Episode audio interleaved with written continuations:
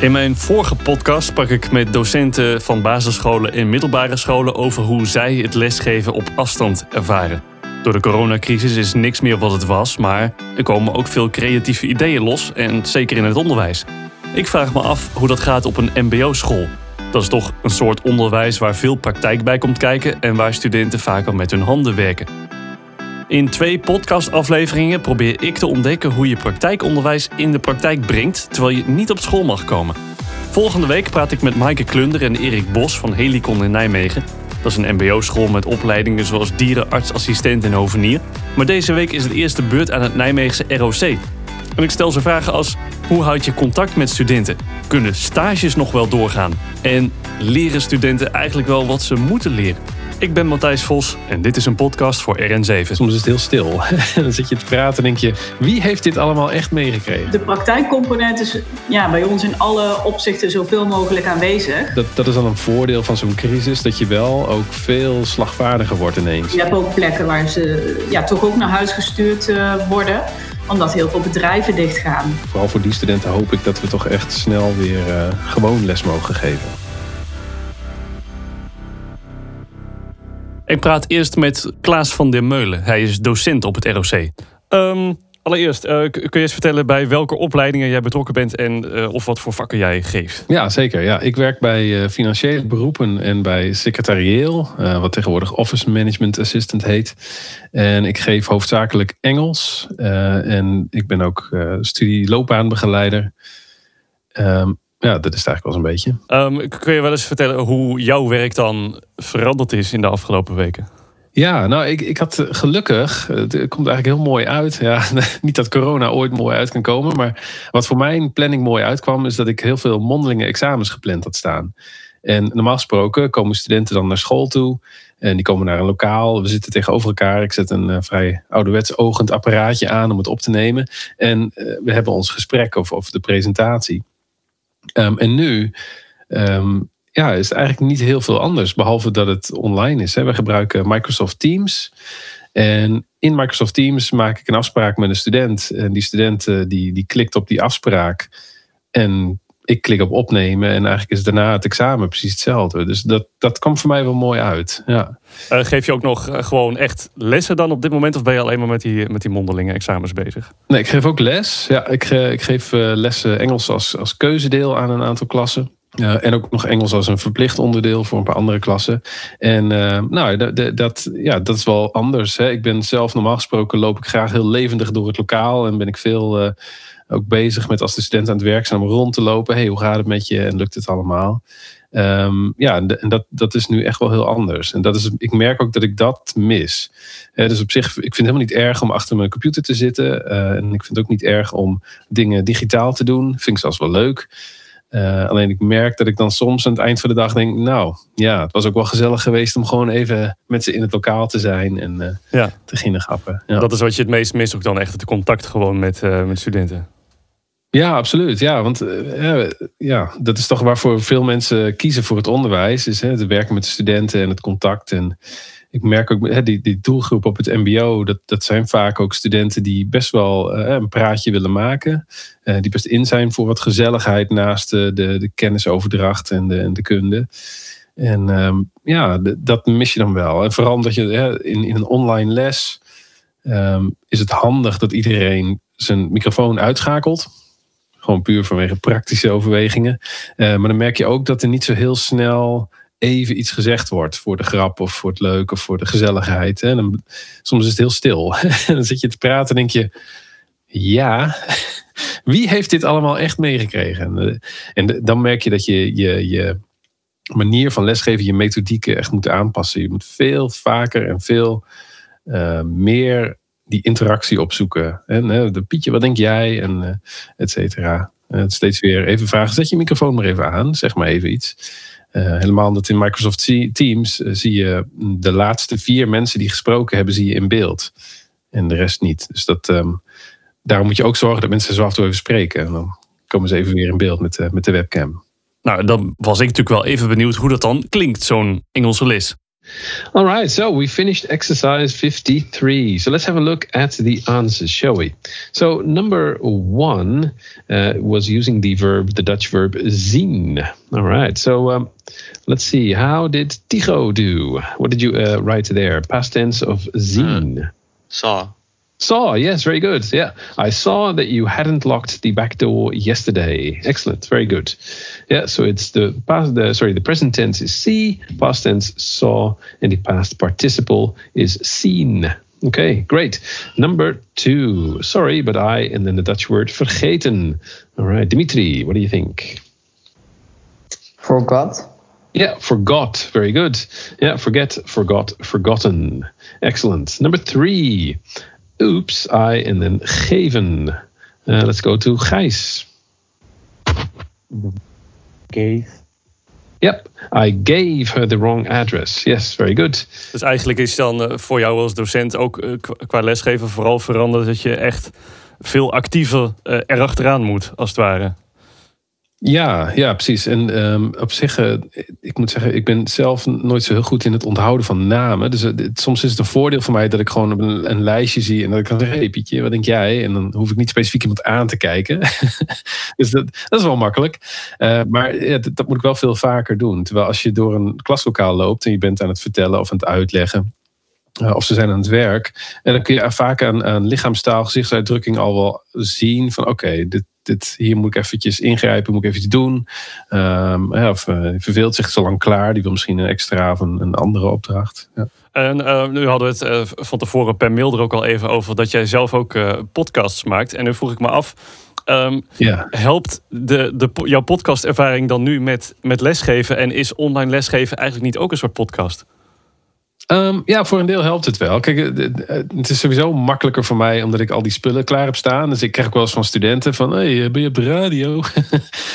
omdat ze dan de microfoon zien die hier hangt. En, um, maar goed, ja, en, en ja, het gewend zijn aan het gebruiken van allerlei online middelen. Um, en het, het gewend zijn aan hoe zit je bij de microfoon? hoe klink je een beetje duidelijk? ja, dat helpt absoluut. En zeker als je een stukje instructie wil geven dan is het fijn als je gewend bent om jezelf op te nemen en dat te horen en niet te denken, oh my god. Dat helpt zeker, ja. ja en, en inhoudelijk helpt het dan ook nog? Is lesgeven eigenlijk een soort podcast maken of is het wel echt anders? Um, nee, het is wel echt anders. Kijk, ik kan bijvoorbeeld wel. Een, ik zou bijvoorbeeld een, podcastje kunnen maken met korte afleveringen over onderwerpen. Dat ik die instructie niet live geef, maar opgenomen. Dat, dat zou heel mooi kunnen. Maar lesgeven is veel meer dan instructie geven of, of iets vertellen. Uh, dat is juist vaak zit het er meer in die interactie. En zeker bij talen. Uh, ik, kan, ik kan jou een half uur lang vertellen hoe je de verleden tijd, hoe, je dat, hoe je dat construeert. Maar daar ga je het niet van leren. Je moet het ook doen. Um, en die, die interactie, dus de, dat, dat, dat spontane van hé, hey, wat denk jij? En zeg jij, is dit in het Engels? Of ga eens met elkaar praten. Ja, dat is, dat, dat is niet echt als een podcast, nee. nee. Ik spreek ook met uh, Lionne van der Zand. Zij is geen docent, maar werkt wel op het ROC. Ik ben uh, manager team onderwijs en uh, dat wil zeggen dat ik verantwoordelijk ben voor ehm, zeg maar het beleid. Dus uh, de beleidsmedewerkers die wij uh, hebben op ROC Nijmegen, die zich met echt een veelheid aan, uh, aan thema's bezighouden. Um, je kan denken aan internationalisering, examinering, echt, echt allerlei thema's waar je in het onderwijs mee te maken hebt. En daarnaast heb ik nu ja, ongeveer zo'n twee jaar geleden een onderwijskundige dienstverlening opgezet. Dus ik kom zelf meer uit de HBO-wereld en daar daar werken uh, vaak onderwijskundigen die onderwijsteams ondersteunen. Dus toch net weer vaak een andere tak van sport. In plaats van lesgeven. Dus onderwijskundigen kijken wat meer naar het ontwerpen van onderwijs. De curriculumontwikkeling, toetsing, examinering. En kunnen vaak docenten op dat gebied dan uh, goed versterken. Docenten die, uh, ja, die zijn natuurlijk vooral ook bezig met lesgeven, helemaal terecht. Die hebben vaak best een pittig takenpakket al. En ik zag dat ook op het HBO dat dat fijn is, dat ze soms wat extra ondersteuning krijgen op het gebied van uh, ja, echt het ontwerpen van onderwijs. Dus daar, uh, ja, daar ben ik ook verantwoordelijk voor en uh, wij proberen het team zoveel mogelijk daarbij te ondersteunen. Ja, dus zou je dan kunnen zeggen dat jij eigenlijk docenten leert om te leren of, of helpt om, om aan te leren, zeg maar? Ja, en vooral ook bijstaan. Hè? Dus ehm, wij proberen ook echt in een team te kijken van waar zitten bij jullie nu, uh, nou waar, zit, waar zitten ondersteuningsbehoeften? Waar kom je niet aan toe? Waar uh, ontbreekt er soms nog een expertise? Dus er zit soms ook een stukje professionalisering in. We hebben ook wel eens een, uh, een, een, curriculumcommissie zeg maar, geholpen om wat meer positie te nemen en uit te leggen van nou, jullie gaan over het hele curriculum en uh, bijvoorbeeld tools te geven hoe je goed naar de kwaliteit van onderwijs kan kijken en ze daar dan wat bij te helpen. En ehm, nu stel ik me voor dat in de afgelopen weken jouw werk best wel veranderd is. Ja, Kun je, je vertellen wat, wat er veranderd is voor jou? Um, nou, het is ook wel geïntensiveerd, omdat er natuurlijk wat anders van het onderwijs wordt gevraagd. Dus sowieso door het leren op afstand, maar ook wel in het beleid. Hè? Dus continu zijn er ontwikkelingen in beleid. De ene, ja, de persconferenties eh, vanuit de overheid, die, uh, vanuit het kabinet, die spelen daar natuurlijk een belangrijke rol in. Uh, nou, daar anticiperen wij dan weer op en proberen we samen met ook de onderwijsdirecteuren te kijken: oké, dit uh, dit wordt nu onze koers. Uh, hoe willen wij het zelf? Wat hebben onze studenten nodig? Wat hebben de docenten nodig? En daar maken wij dan meestal korte voorstellen voor, zodat zij dat dan weer met hun managers kunnen bespreken en die het met de teams weer vorm gaan geven. Dus we proberen vooral mee richting te bepalen. En dat is toch wel heel anders op afstand. Want het is veel makkelijker, vind ik, om even bij iemand binnen te lopen, even de trap naar beneden of naar boven te pakken en uh, even kort wat te bespreken. Je bent toch wel letterlijk meer op afstand van mensen. Dus er is gewoon minder en anders contact. Hoe zou je zeggen dat de verhouding tussen theorie en praktijk is in, in de opleidingen? Mm -hmm. nou, de, hè, omdat we, we zijn natuurlijk beroepsonderwijs, dus um, in principe staat bij ons sowieso altijd het beroep centraal. Um, en daarmee ook de beroepspraktijk. En de ene keer is dat in de beroepspraktijkvorming, echt bij bedrijven. En de andere keer probeer je dat in een soort van gesimuleerde setting op school uh, te doen. En dan vaardigheden uh, te oefenen. Bij ROC Nijmegen hebben we ook echt een plaza. Dat is wel vrij uniek. Dus we hebben eigenlijk leerbedrijven ook binnen ons eigen ROC op de campusbaan. Dus je moet het zo voor je zien als je bij ons binnenkomt. Is het soms, ja, het is bijna net een winkelcentrum. Want we hebben een restaurant, we hebben een, uh, een kapper, uh, um, er zit een bakkerij en er zit een supermarkt, een, een fysiotherapeut, een sportschool. Dus ook in huis hebben wij voor studenten al heel veel mogelijkheden om echt praktijkervaring op te doen. Dus in de bakkerij staat dan ook gewoon echt een verkoopmedewerker die, die de broodjes verkoopt. In het restaurant Um, daar, wordt, daar worden natuurlijk gerechten gemaakt en in de pauze worden die dan door studenten verkocht aan studenten en medewerkers. En dat soort constructies, die, uh, die heb je bij ons. Bij ons ga, je naar ga ik ochtends uh, lekker mijn cappuccino halen in het café. En dan word ik dus ochtends ook geholpen door uh, studenten. Met ook een begeleiding daarbij. Hè? Dus soms wordt er nog even wat uitgelegd. Nou, je moet even zus of zo opletten. Of, dus de, de praktijkcomponent is ja, bij ons in alle opzichten zoveel mogelijk aanwezig. En daarom is het natuurlijk ook wel heftig wat er nu gebeurt. Want ja, de school is leeg.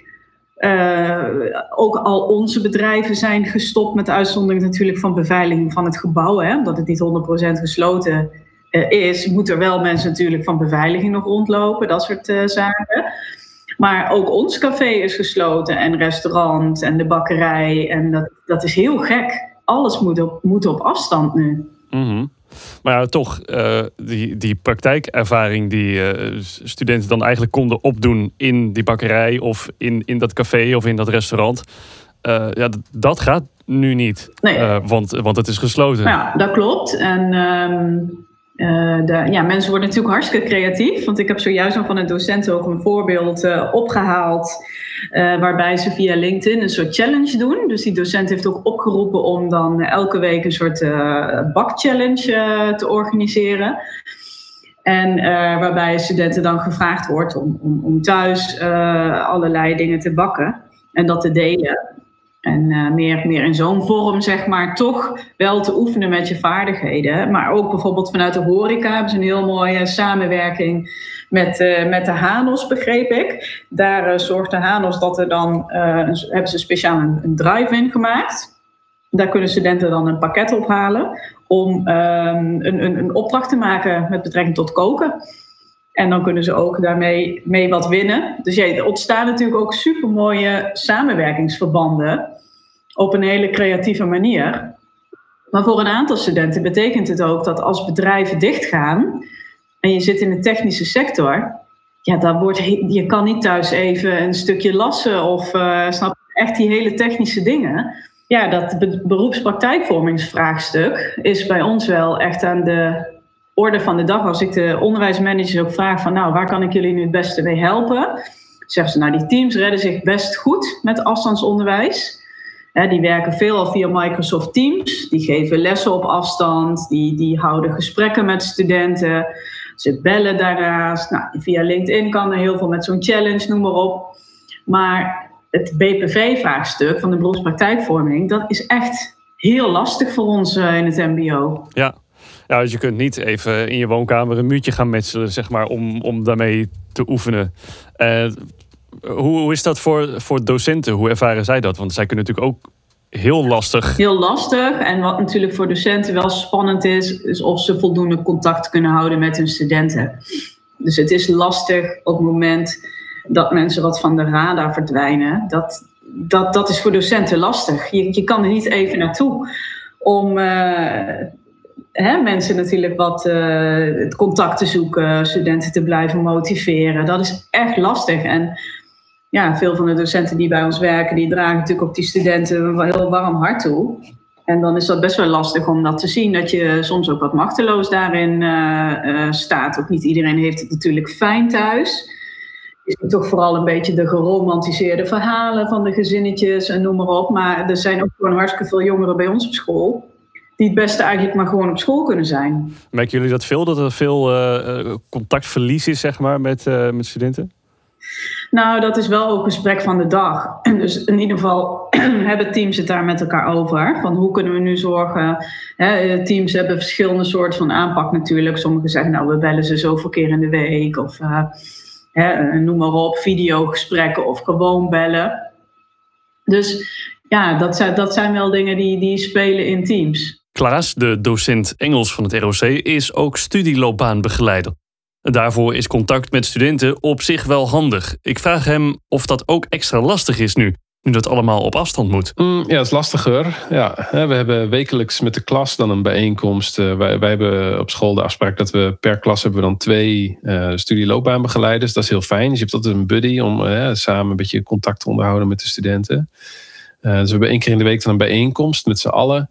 En dan, doen we echt een vragen rondje. Hoe gaat het met je en waar loop je tegenaan? En dan kunnen ze elkaar ook een beetje adviseren. En dan zie je dat dat best leuk gaat ook. Hè? Dat als de ene student zegt, ja, ik kan, kom nooit in die en die les. Ik weet niet hoe ik dat moet doen. En dat dan vervolgens uh, ik niks hoef te zeggen. Maar dat een klasgenoot dan zegt, oh, maar als je dit downloadt, dan werkt het wel. Nou, dat is heel fijn. Um, en dan één keer in de week hebben we een belrondje. Dus dan bel ik iedereen. En dan vraag ik echt letterlijk, hoe is het met je? En dat, moeten we, dat leggen we ook allemaal netjes vast. Maar ik vind het ook wel belangrijk dat mensen niet buiten beeld raken. We hebben toch over een, een doelgroep waar ook kwetsbare studenten tussen zitten. Die soms ook niet een hele fijne thuissituatie hebben. Um, ja, en, en wat ik dan merk is dat dat werkt allemaal prima. Maar je mist dan die momenten dat je elkaar op de gang ziet. Of dat je, hè, uh, ja, inderdaad, je loopt door de gang. Je ziet in een lokaal gebeuren. Uh, dat, je, dat, dat soort ontmoetingen, die heb je dan wat minder. Ja, en uh, lukt het goed om, om studenten wel redelijk in beeld te houden? Of zijn er toch ook wel een aantal uh, van de radar verdwenen? Nou, niet helemaal van de radar verdwenen, maar er zijn er wel een paar waar, ik wat meer moeite moet doen om ze uiteindelijk aan de lijn te krijgen. En, en, dan, en dan vraag je wel van, hè, zorg nou dat je op donderdag om zo en zo laat eventjes bij je telefoon zit. Um, en ik kan me bijna niet voorstellen dat ze niet de hele dag bij hun telefoon zitten. Maar goed, uh, toch lijkt dat zo. Ja, dus het, het, het, is bij sommige studenten wel wat lastiger, merk ik. Ja, en vooral studenten die dan ook misschien niet zo van bellen houden, of die, uh, ja, wat voor reden dan ook, uh, niet altijd bijvoorbeeld beschikbaarheid hebben over, over beschikking hebben over een computer. dat is ook iets, dat had ik helemaal geen rekening mee gehouden. Maar er zijn dus studenten die delen samen een computer met het hele gezin. En ja, als zusje of broertje nu les heeft, dan heb ik dus geen les. Ja. Nee, nou, lastig. Ja. En gelukkig hebben we daarvoor leenlaptops. Maar ja, dan moet dan eerst wel even duidelijk worden dat het nodig is. En dan, dan regelen we dat. En uh, Um, wat vinden de studenten er zelf van? Hoe reageren ze zelf op deze hele situatie? Nou, veel studenten vinden, zijn er nu inmiddels wel klaar mee. Die vinden, ze vinden het saai, ze zitten maar een beetje thuis. En um, nou ja, goed, sommige studenten vinden het ook lastig om hè, de, zelf... Ze moeten iets meer zelfstandig doen. Ze hebben minder, minder lesuren, want we hebben toch echt wel gerealiseerd dat uh, een hele dag online lessen volgen, dat dat niet te doen is. Dus minder lesuren betekent ook meer zelfstandig werken. En ja, dat kan niet iedereen even goed. Dat is een vaardigheid die moet je ontwikkelen. Um, en ja, sommige studenten die gedijen daar enorm bij. Die vinden het eigenlijk wel lekker. Wij minder prikkels om zich heen. Um, die missen soms uh, juist niet de onrust die je soms in een, in een leslokaal hebt. Maar ja, er zijn ook studenten die missen juist die mogelijkheid om ja, een beetje om zich heen te vragen: hey, uh, hoe doe ik dit? Uh, of of die, die missen die structuur. En de gezelligheid. Hè? Er zijn ook genoeg studenten. Dat, dat valt me elke keer weer op als ik door het ROC loop. Um, als ik klaar ben met mijn werkdag, normaal gesproken, hè, om een uurtje of half zes, dan, hè, dan loop ik daar door de, door de plaza. Uh, prachtig daar, hartstikke mooi. En, dan, maar, en, en, elke keer denk ik van, er zitten nog studenten. Om half zes. En die hebben al lang geen, ja, en die hebben al lang geen les meer, maar die zitten daar voor, voor elkaar. Die zitten er voor de gezelligheid. Uh, soms ook eh, om, omdat het thuis misschien niet zo leuk of gezellig is. Ja, en die zitten nu noodgedwongen wel thuis. Dus we hebben ook uh, wel de mogelijkheid geboden aan uh, studenten die bijvoorbeeld een minder prettige thuissituatie hebben of gewoon een hele slechte internetverbinding. Uh, om mondjesmaat met afspra op afspraak met de, met de SLB. om toch op school in ons studiecentrum zo af en toe een paar uurtjes te studeren. En uh, nu kun je, ja, je kunt natuurlijk een vak als Engels, kan me inderdaad voorstellen dat je dat goed op afstand uh, kunt geven. Maar uh, stel dat je leert voor hè, metselaar of timmerman of zo. Je kunt moeilijk van iemand verwachten dat hij in zijn woonkamer even een muurtje gaat metselen om te oefenen. Ja, ja, ja, dat klopt. Ja, dat lijkt mij ook heel lastig. Um, en dat betreft heb ik dan geluk dat ik werk ook bij een opleiding waar dat soort problemen eigenlijk minimaal zijn. de financiële beroep is heel theoretisch voor een MBO-opleiding. En de office management opleiding eigenlijk ook. Er zijn ook heel veel vaardigheden die je prima online kan oefenen. Dus met jullie opleiding heb je daar eigenlijk niet zo heel veel last van wat dat betreft. Het had erger gekund. Ja, het, het had veel lastiger kunnen zijn. Waar ik nu bijvoorbeeld tegenaan loop met Engels, is dat er nog studenten zijn die moeten nog een geschreven examen doen. Um, en dat we heel erg aan het zoeken zijn naar een manier waarop je dat goed kan doen. Dus dat je, dat je ook kan zeggen dat je zeker weet, of redelijk zeker weet, dat het het eigen werk van de student is. Uh, zonder dat je per student gewoon een uur lang naar ze moet zitten staren eh, op een webcam terwijl ze werken. Ja, want dat is niet te doen. Het voordeel van al die videomeetings is dat je natuurlijk ook als student daar nuttige ervaring mee opdoet. En dat zeg ik ook tegen studenten hoor. Van, hè, zie zo'n online meeting uh, die we dan doen als les. Uh, ook als een stukje ervaring voor het, het online vergaderen op je werk. Wat je eventueel uh, gaat doen. Ja, hè, dus, dus we leren ook, of proberen in ieder geval aan te leren. Een beetje de online etiketten. Hè, van oké, als je een online vergadering hebt dan lig je niet in je bed, maar zit je op een stoel. ja, het zal je verbazen hoor. um, en en je hebt kleren aan, dat is ook zoiets. Hè, dus ja, ja, doe alsof je op je werk bent. Doe ik ook. Ja. ja. Ja, de, meeste, de luisteraars zullen mij niet zien, maar ik heb ook gewoon netjes een polootje aan en uh, mijn haar gekamd en zo. Ja, precies. Um, en uh, dat, dat slagvaardig hè, dat je noemt van hè, het, is, het is crisis en ineens kunnen besluiten heel snel genomen worden enzovoort. Um, denk je dat dat iets is wat, wat blijft? Um, nou ja, goed. Kijk, ik bedoel, ik wil ook niet zeggen dat ROC uh, eh, verder niet zwaardig is, maar het is een hele grote organisatie. En soms duurt het dan wat langer voordat een besluit hè, door alle lagen heen is. Nu, eh, in zo'n crisis, dan moet je wel. Ik denk wel dat, dat, dat we als school er enorm van leren. Hè, eh, ook, ook, dat we ook leren dat we dit dus gewoon kunnen. Dat we heel snel in één keer alles kunnen omgooien, omdat, omdat het gewoon moet. En het toeval wil dat de week voordat de, de hele coronacrisis hier losbarstte, uh, had ik een gesprek met mijn leidinggevende over het idee van, goh, zullen we misschien eens kijken of we sommige lessen online kunnen geven. zodat we uh, een, rooster technisch met de lokalen, et cetera, dat, we, dat daar wat druk afgaat. en omdat sommige studenten gewoon ver weg wonen en het misschien fijn vinden om een dag in de week thuis te zitten. En, vorige school waar ik werkte was een, een ROC ook in Zwolle. Um, het Deltion College, daar deden we dat. Eén dag in de week had elke klas een, een thuisdag. En dat vonden ze hartstikke fijn. En het is een enorm goede ervaring.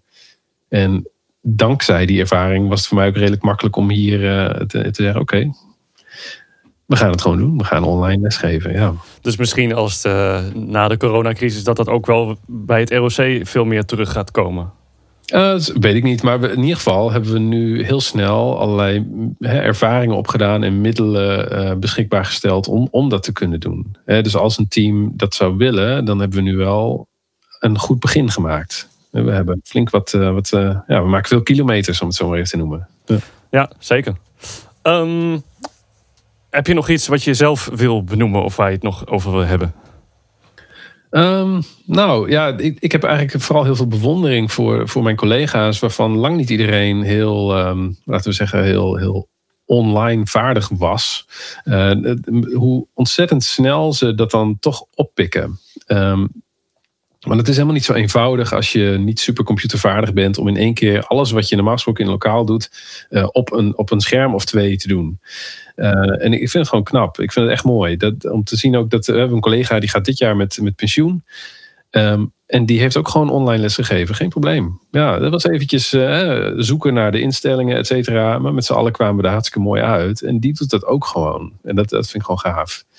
Um, ik vind het ook mooi om te zien dat... Um, ja, dat er toch best wel wat studenten zijn die het ook goed oppakken. En ja, de, enige zorg die wij als school hebben, is vooral die studenten waar het, ja, waar het niet zo goed mee gaat. Of die een beetje zo onder de radar beginnen te raken. En die, die houden we zo goed mogelijk in de gaten. We hebben ook een heel support team daarvoor, gelukkig. Um, maar ja, de, vooral die studenten die, die het thuis niet zo makkelijk hebben. Uh, vooral voor die studenten hoop ik dat we toch echt snel weer uh, gewoon les mogen geven. Ja, dat is waarschijnlijk voor iedereen toch het leukst. Ja, absoluut. Ja, ja. En, en, en doordat je even niet op school kan zijn, merk je ook hoe leuk het is om op school te zijn. En dat, mm. dat, en dat zie ik ook aan de studenten. En dat is toch, vind ik toch wel heel gaaf. Ja. ja, dus je houdt er misschien nog wel eh, meer waardering voor je eigen beroep aan over. Ja, en, maar de studenten eh, ook dus meer waardering voor school en hoe het daar is. Hè? Want natuurlijk eh, in, in het dagelijkse leven hoor je best wel eens van een student... Oh, school vind ik niet leuk en waarom moet ik hier nou elke keer naartoe? En ja, nu merk je dat ze toch stiekem wel missen. Nou, de studenten missen de school eigenlijk toch wel een beetje. Maar er zijn natuurlijk ook docenten en die hebben misschien wel veel extra ondersteuning nodig. En daarvoor ga ik nog even terug naar Lionne, manager team onderwijs van het ROC. En uh, um, vanuit jouw rol als, als onderwijsondersteuner, zeg maar, uh, wat, voor, wat voor tips zou je docenten geven om zo goed mogelijk uh, ja, er toch iets van te maken? Nou, vooral een variëteit aan te bieden in leer op afstand. Want het is ook je natuurlijke neiging om hetgeen wat je al deed dan om te zetten naar online onderwijs. Dus bijvoorbeeld uh, waren er ook teams bij die dan alle lessen online gaan verzorgen. En daar zie je toch van dat dat, dat vaak niet werkt. Want iets wat je voor de klas doet, echt in contact met iemand, dat werkt heel anders. Dus het is vooral ook de tip van biedt veel, veel verschillende dingen ook aan.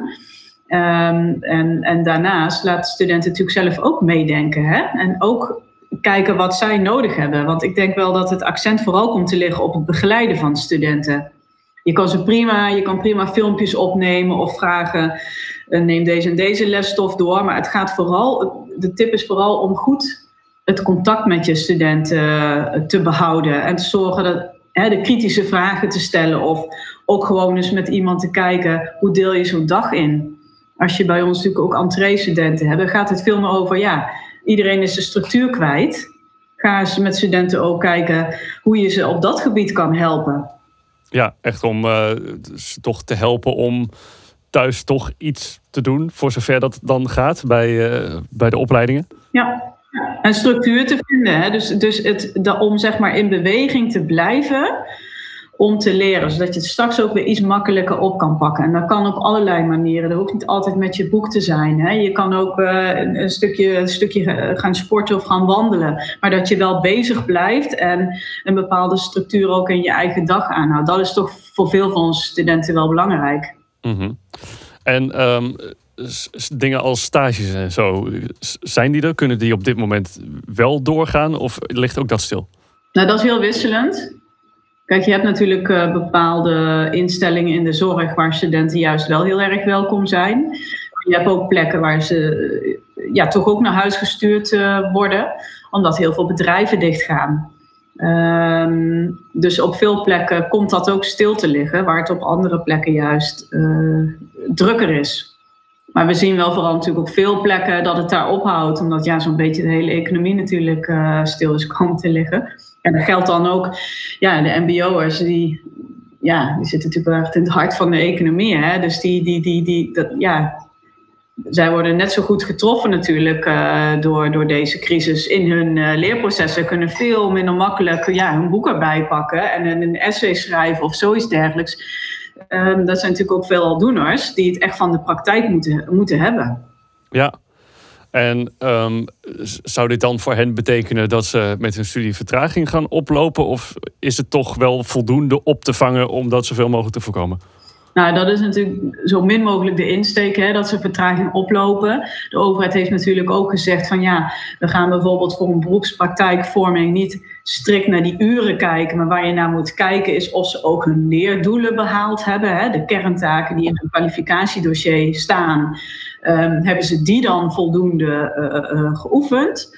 Dus dat is natuurlijk wel een hele mooie insteek, maar het is natuurlijk wel ook vooral een insteek op papier. En dat is wel lastig om dat ook in de, in de praktijk echt zo te realiseren. Dus we zijn ook met andere scholen daarover aan het nadenken. Je ziet namelijk ook nu, zeg maar, instellingsoverstijgend werkgroepen ontstaan, waarbij docenten dan samen gaan nadenken, ja, hoe gaan we dat probleem uh, te lijf en hoe kunnen we toch zorgen dat studenten op een verantwoorde manier geen vertraging oplopen. En dat ze wel voldoende um, bagage hebben om bijvoorbeeld straks het diploma te halen. En er is een duidelijke prioritering uh, wel aangebracht dat bijvoorbeeld diplomanten, dus echte studenten die naar diplomering gaan dit jaar, om te kijken dat je daar nog zoveel mogelijk voor kan organiseren volgens de RIVM-regels. Dus dan misschien toch uh, ervaring in een restaurant opdoen op anderhalve meter afstand? Ja, hè, of, of in ieder geval te kijken van hoe kan je toch uh, bepaalde toetsing door uh, laten gaan. Vol, ja, volgens die regels die er gewoon zijn. Daar puzzelen wij nu natuurlijk vooral ook op. zijn ook heel erg logistieke vraagstukken.